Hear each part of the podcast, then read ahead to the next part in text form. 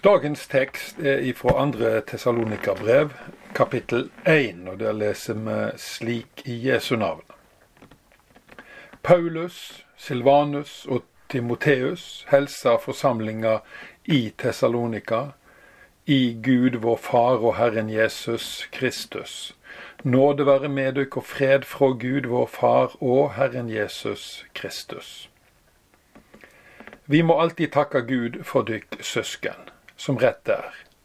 For trua dykka veks seg stadig, sterk, stadig rikere, og kjærleiken det har til hverandre blir større hos hver og en av dykk. Når vi forteller om dykk i Guds forsamlinger, kan vi derfor være stolte over det tålmod og den tru det viser i alle de forfølginger og trengsler det må tåle.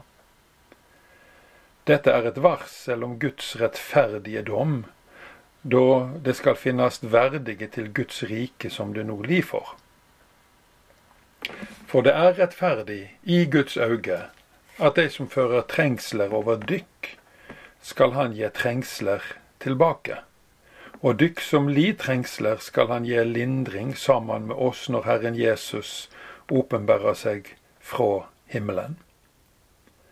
Han kjem med sine mektige engler i lågande eld og straffer de som ikke kjenner Gud, og de som ikke er lydige mot vår Herre Jesu evangelium. Straffa de skal lia blir ei evig fortaping borte fra Herrens andlet og borte fra Hans herligdom og makt, den dagen Han kjem og skal lovprisast mellom sine heilage og tilbedast av alle som trur.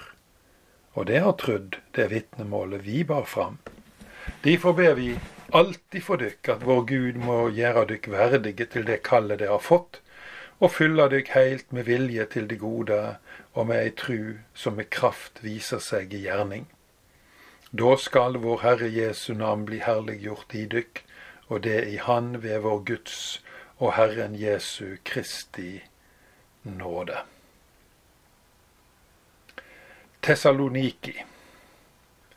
Hellas sin nest største by, slik han ligger i dag ved Egeerhavet. Hva som uh, var i Tessaloniki på Paulus' i tid, da er jeg ikke sikker på, men i dag så er byen Europas senter for menneskehandel. Som Amsterdam har byen et stort Red Light District med tusenvis av prostituerte. Eh, slaver, slavekvinner eh, som er henta fra Øst-Europa. 99% av de. I Hellas er det slik at to tredjedeler av alle menn kjøper sex. Og mange av de tar sønnene sine med seg på bordell for å lære de å bli menn. Sånn er situasjonen i det som blir kalt for demokratiets i vogga. Kanskje var det også sånn på Paulus i tid, hva vet jeg. Men der evangeliet ikke får lyde, søkker menneskene ned i åndelig og moralsk mørke. Evangeliet kom til Tessalonika og sette folk fri fra synda og fra de mørke kreftene som de var bundne av. Jesus skapte en helt ny virkelighet. Den virkeligheten som vi kaller for Guds rike. Og slik er det i dag også. Djevel får mennesker til å fornedre seg, og han får de til å fornedre hverandre. Men Jesus kommer og befrir oss ifra syndene våre, løft oss opp og skap en helt ny virkelighet i oss og rundt oss og mellom oss, en virkelighet som heter Guds rike. Tessalonikerne hadde ikke vært kristne lenge, kanskje bare noen måneder.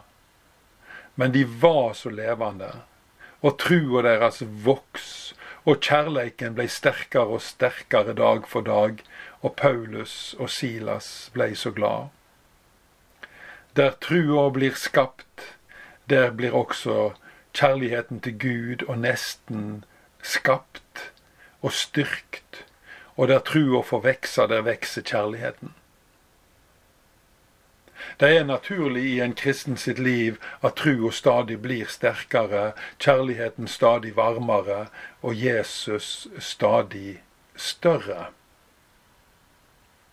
Der trua stagnerer, der stagnerer kjærligheten, og Jesus får stadig mindre betydning for hvordan folk lever. Det er naturlig i livet til ei kjerke at hun vokser, at nye kommer til tru, at uh, familien øker i størrelse. Da er det naturlige. Det er også naturlig at uh, kirkelya planter nye kirkelyer og formeirer seg og vokser på den måten. Vekst har med liv å gjøre. Hva gjør vi om dette ikke skjer imellom oss?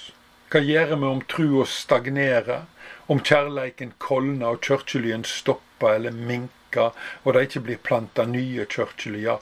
Jo, vi roper til Jesus i lag, dette gamle ropet, Kyrie eleison, Herre, miskunna deg over oss.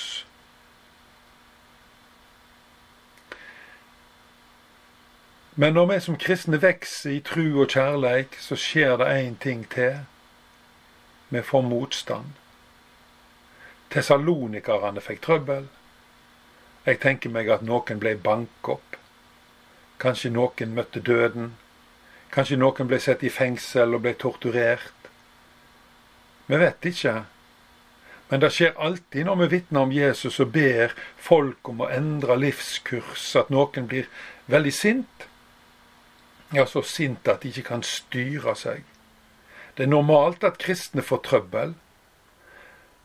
Vi må gå inn i Guds rike gjennom mange trengsler, sier Paulus i en tale som vi kan lese i apostelgjerningene 14. Jesus visste at det kom til å gå slik med hans trufaste disipler, og derfor så sa han, Jeg er med dere alle dager. Og en annen plass jeg vil ikke slippe deg og ikke forlate deg. En dag kommer Jesus tilbake. Da skal han dømme levende og døde. Og vi spør hvem blir frelst, og hvem går fortapt.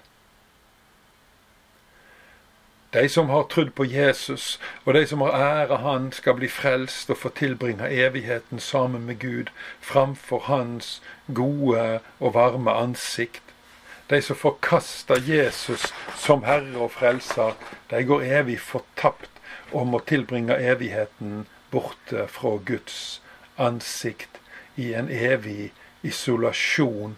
Det er da Bibelen kaller helvete, et ord som er vanskelig å bruke i våre dager, fordi det er ødelagt av all bannskap. Men det er en realitet. Kanskje er det bedre at vi går over til å bruke ordet Gehenna, som helvete egentlig er oversett fra. Og Det er et hebraisk eller et arameisk uttrykk for bossplass. Vers 11 er et herlig vers. Da bør alle lære seg utenat å be for seg sjøl og for alle andre i kirkelyen. Skal vi oversetter det til dagligtale, så må det bli noe sånt som dette. Herre, hjelp oss å leve verdig det kallet vi har fått. Fyll oss med vilje til det gode, og med ei tru som viser seg i kraftfull gjerning. Du vet, når du ber Guds ord, så ber du alltid rett. Og da er det så lett for Gud å gi deg det du ber om. Han, han elsker å høre at du ber Hans ord og for, for da ber du etter hans hjerte, og du ber etter hans plan. Og han elsker også at du studerer ordet hans og legger merke til hva han har sagt.